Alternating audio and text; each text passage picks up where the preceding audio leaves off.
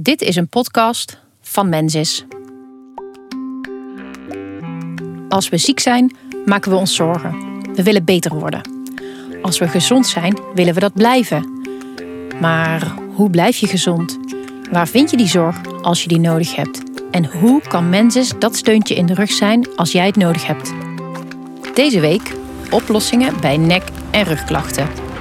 Ik liep een willekeurige bouwplaats op en stelde daar de eerste voor de hand liggende vraag. Heb jij wel eens last van je rug of nek?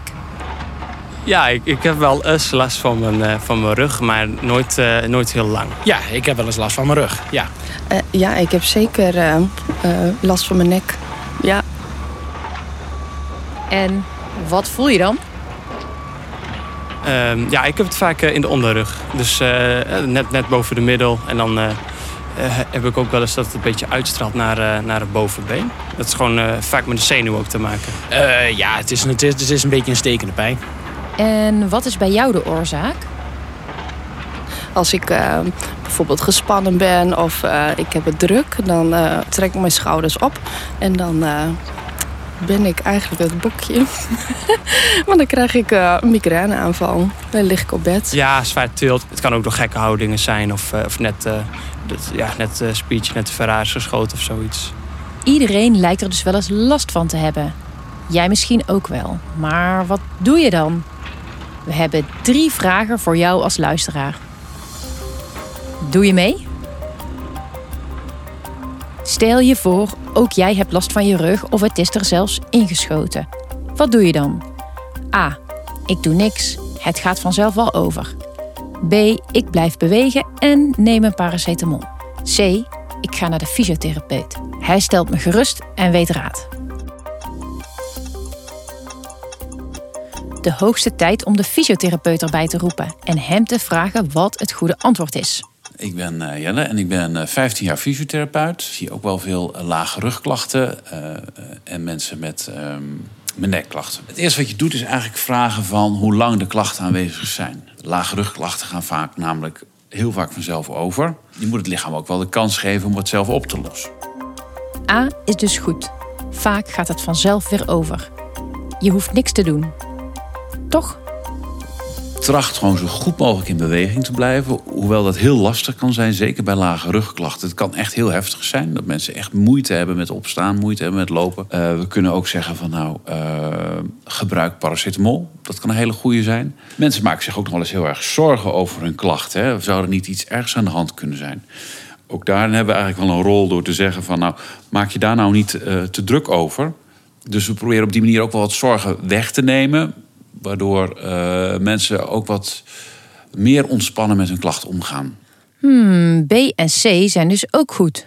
Kortom, ontspannen, blijven bewegen, eventueel een paracetamol en bel de fysio als je het niet zeker weet. Vraag 2. Wat als je echt pijn hebt? Wat doe je dan? A. Ik blijf bewegen en ga voorzichtig rekken, strekken en draaien. B. Ik doe verstevigende oefeningen voor mijn rug, zoals buikspieroefeningen. Ik hoor heel vaak van buikspieroefeningen zijn hartstikke goed voor je rug. Maar ik zou geen buikspieroefeningen aanraden terwijl je heel veel rugpijn hebt.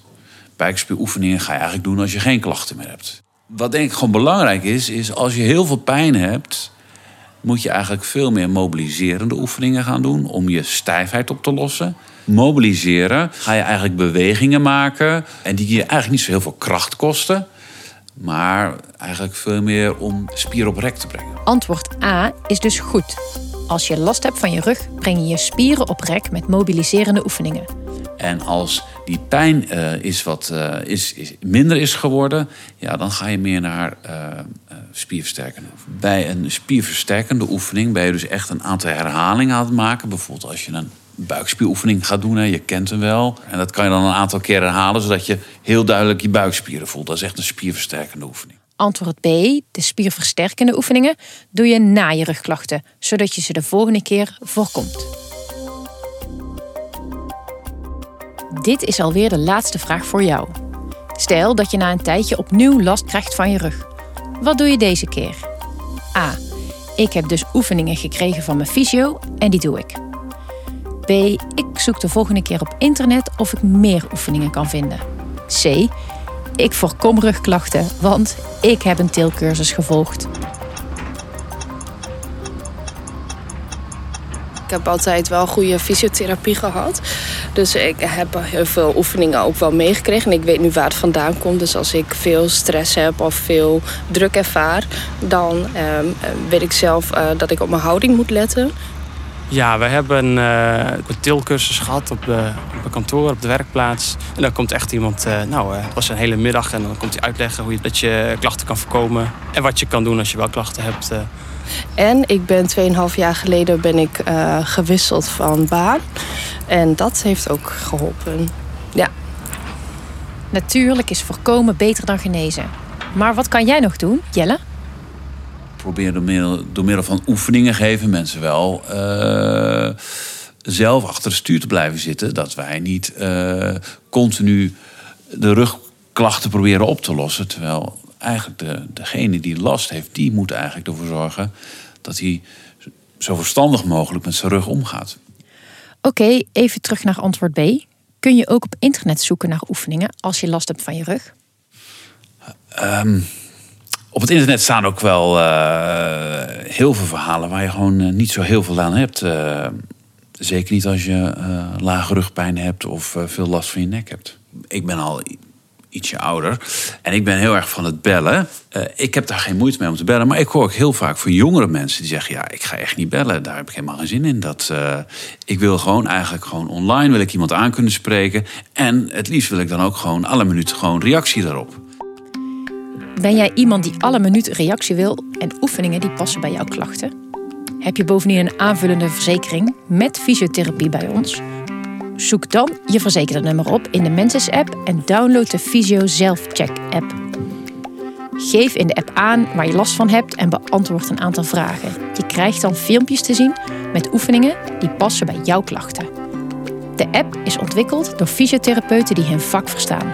Zo kun je direct aan de slag en weet je zeker dat je betrouwbare informatie krijgt.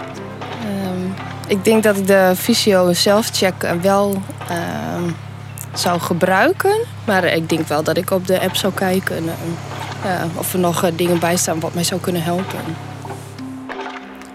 De tip van deze week is dus check de Self-Check app. Download hem alvast, maar luister nog wel even naar de disclaimer van Jelle. Maar goed, we maken ook vaak genoeg mee dat die klachten niet eh, zo makkelijk overgaan. Dat die klachten gewoon aan blijven houden. Ja, en dan is het eigenlijk wel goed om eh, iemand te raadplegen die daar meer verstand van heeft. En je daarin kan adviseren, daarin oefeningen kan geven. De app staat in iedere App Store. Maar krijg je hem nou niet meteen gevonden? Ga dan naar www.mensis.nl slash fysioselfcheck. Volgende week een vrolijker onderwerp. Ik ga op zoek naar beweegplezier. Dat doe ik samen met een aantal kinderen waarvoor bewegen helemaal niet zo vanzelfsprekend is. Dus abonneer je op de podcast en luister volgende week weer.